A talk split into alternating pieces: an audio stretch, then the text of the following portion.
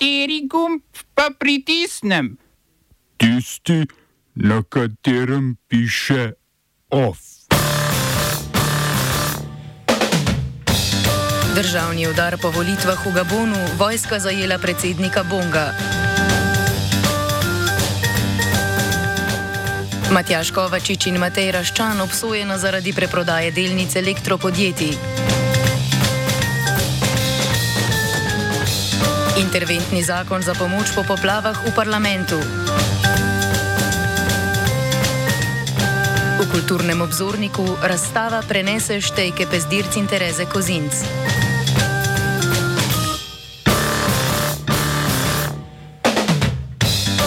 V Gabonu je vojska izvedla državni udar, pridržala predsednika Alija Bonga Ondimbo in razveljavila rezultate volitev.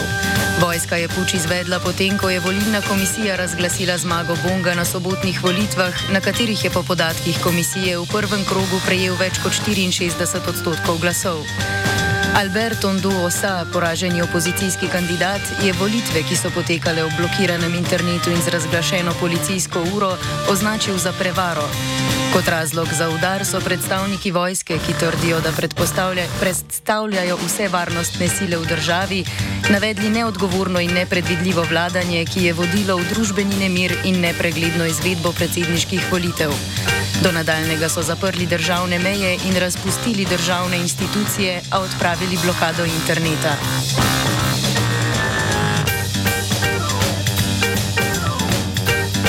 V gabonski prestol, predstolnici Libreville so ljudje na ulicah odstavitev predsednika pozdravili. Ali Bongo je predsedniški stolček prvič zasedel leta 2009 po smrti očeta Omarja Bonga Ondimbe, ki je vladal več kot 40 letja.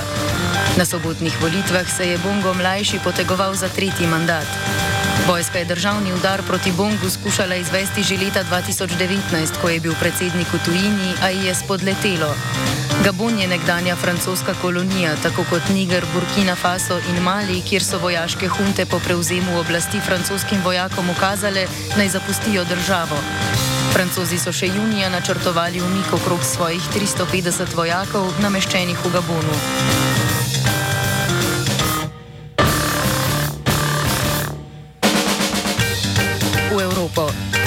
Evropsko sodišče za človekove pravice je razsodilo, da politični sistem Bosne in Hercegovine postavlja etnično zastopanost pred vse druge vidike, s tem pa širi etnični razkol in spodkopava demokratični značaj volitev v državi.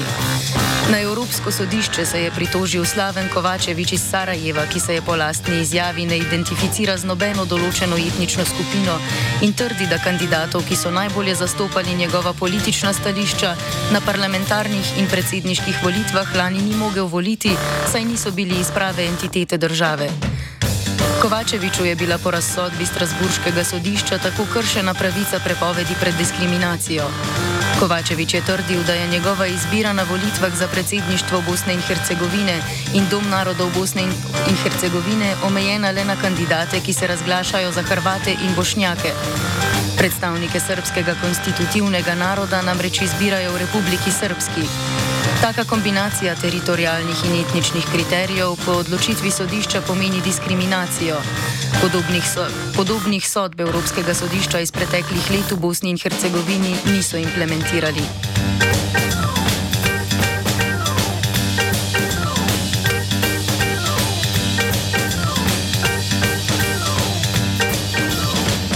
Predsednica Evropske komisije Ursula von der Leyen je za mesto Evropskega komisarja za podnebne ukrepe predlagala odhajajočega nizozemskega zunanjega ministra Opkeja Hukstro. Za naslednjega komisarja ga je nominirala začasna vlada Marka Ruteja, potem ko je prejšnji komisar Franz Timmermans odstop Timmermans obsopil, da bi kandidiral na prihajajočih nizozemskih parlamentarnih volitvah. Hukstra je član desne stranke Krščanski demokratski poziv. Stranka je na skupnem evropskem političnem parketu del Evropske ljudske stranke, znane po blokiranju ambicioznih podnebnih politik na ravni Unije. Kandidatura je že sprožila polemike med nizozemsko politiko in okoljevarstvenimi skupinami. Greenpeace je pri tem izpostavil predvsem, da je bil Hukstra zaposlen v britansko-nizozemski naftno-plinski multinacionalki Shell. Če boste njegovo kandidaturo potrdila svet in parlament Unije, bo Hukstra odgovoren za evropsko podnebno politiko.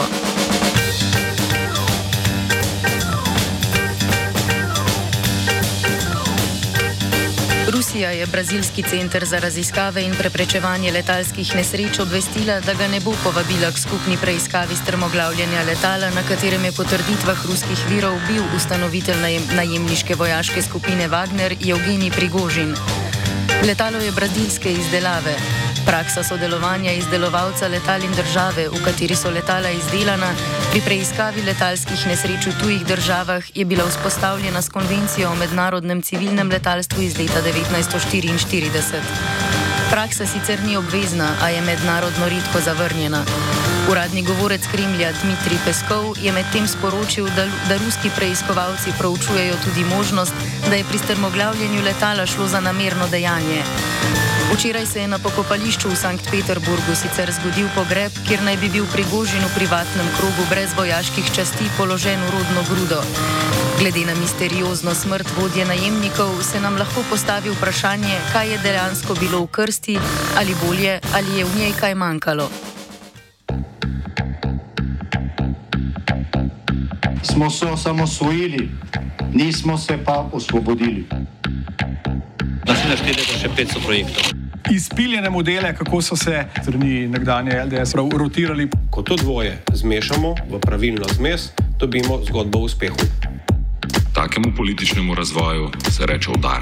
Jaz to vem, da je nezakonito, ampak kaj nam pa ostane? Brutalni obračun s politično korupcijo. To je Slovenija, tukaj je naša zemlja, to je Slovenija, Slovenija, Slovenija. Člani odbora Državnega zbora za infrastrukturo, okolje in prostor na nujni seji obravnavajo interventni zakon za pomoč po poplavah. Interventni zakon podpirajo vse parlamentarne stranke. Predlog zakona med drugim prinaša posebno zvišano izredno socialno pomoč prizadetim, ki bo izplačana v enem znesku, enoletni odlog odplačevanja posojil za prebivalce in podjetja in posebne prostovoljne solidarne sobote v gospodarstvu za zbiranje sredstev za obnovo. Zakon predvideva tudi hitrejše zaposlovanje tujcev, ko gre za kadre, potrebne za izvedbo obnove. Do tega bodo po navedbah ministra Luka Mesca upravičeni ljudje iz držav, s katerimi, s katerimi ima Slovenija brezvizumski režim. Za financiranje bodo posamezniki prispevali nič celih 3 odstotka dohodnine, podjetja pa nič celih 8 odstotka dobička pred davki. Ta sredstva se bodo na to stekala v sklad za obnovo, katerega podrobnejša zasnova bo opredeljena v zakonu o obnovi, ki ga vlada napoveduje za konec septembra. Po obravnavi na odboru bodo zakon jutri predvidoma potrdili še na seji državnega zbora. Nekatere vidike finančnih ukrepov zakona je predstavila državna sekretarka na Ministrstvu za finance Gordana Pipan.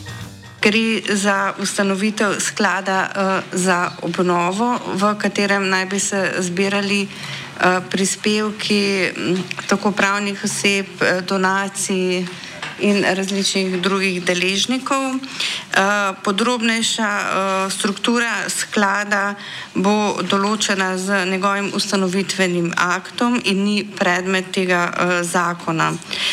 Prav tako je Ministrstvo za finance z rešitvami, ki posegajo v davčno področje, podprla ukrepe predvidene v tem zakonu. Gre predvsem za člene, ki določajo zagotovitev ugodnejše davčne obravnave za osebe, ki so zaradi utrpljene škode na osebnem premoženju morale poiskati novo ali začasno nastanitev, ter za pravne osebe in samostojne pojetnetnike, ki tem osebam zagotovijo nastanitev. Eh, za preprečitev, da bi bili zavezanci, ki so prizadeti zaradi plazov in poplav, še dodatno davčno prizadeti in sicer z izgubo že koriščene davčne olešave na način, da se poveča davčna osnova in posledično davek v obdobju uničenja. Prav tako uh, smo z določbami omogočili občinam, da se odpovejo svojim prihodkom iz naslova nadomestila za uporabo stavnega zemljišča v korist davčnih zavezancev za nepremičnine, ki so bile huje poškodovane v poplavah leta 2023. Eh, dodatno je tudi znižanje stopnje davka na dodano vrednost za nabavo gasilske opreme, ki se običajno uporablja ob eh, intervencijah. Prav tako smo določili podlago za večkratno izplačilo enkratne solidarnostne pomoči. Odbor državnega zbora za finance je podprl predlog rebalansa proračuna za letošnje leto in ga poslal v presojo državnemu zboru. Predlagani rebalans povečuje odhodke za 220 milijonov evrov. Po novem bo račun finančnih terjatev in naložb zagotavljal 300 milijonov evrov za obnovo po poplavah. Gre za prenos sredstev, ki so bila sicer namenjena dokapitalizaciji energetskih podjetij, a niso bila porabljena.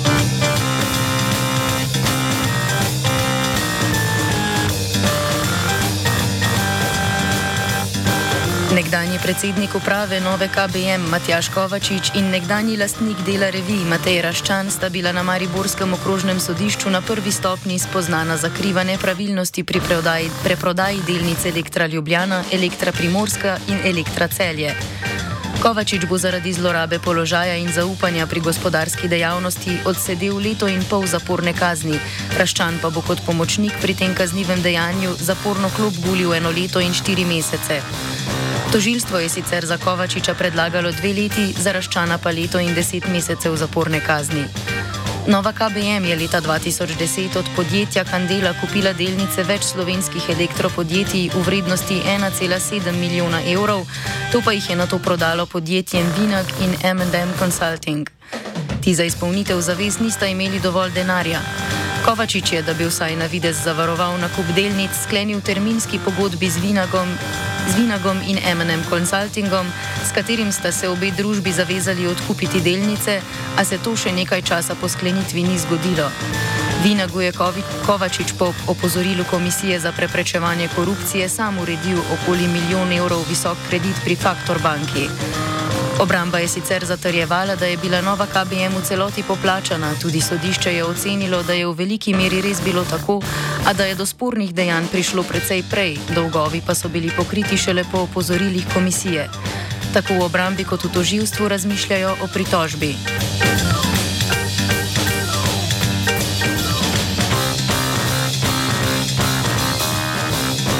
Okrožno sodišče v Ljubljani je zavrnilo pritožbo poslanca Slovenske demokratske stranke Zorana Mojškrca na sklep, da mora plačati kazen, ker konec marca v vlogi priče na zaslišanju parlamentarne preiskovalne skupine ni hotel odgovarjati na vprašanja. Mojškrc bo tako moral poravnati račun v vrednosti okoli 280 evrov. Večina vprašanj komisije, ki preizkuje sume nezakonitega financiranja političnih strank in jo vodi poslanka Svobode Mojca Šetinc Pašek, se je nanašala na podjetje Geopolar. Mojškrc je bil lastnik podjetja do, se, do nastopa poslanskega mandata. Navajal je, da je podjetje Geopolar ni predmet preiskave, da se članov preiskovalne komisije njegovo poslovanje in poraba javnih sredstev ne tiče, da gre za poslovne skrivnosti in da je komisija žalitev za institut preiskovalne komisije. Osrednji argument Mojškrčeve pritožbe je bil, da ga je komisija na zaslišanju namesto kot pričo obravnavala kot preiskovanca, kar pa je sodišče zavrnilo.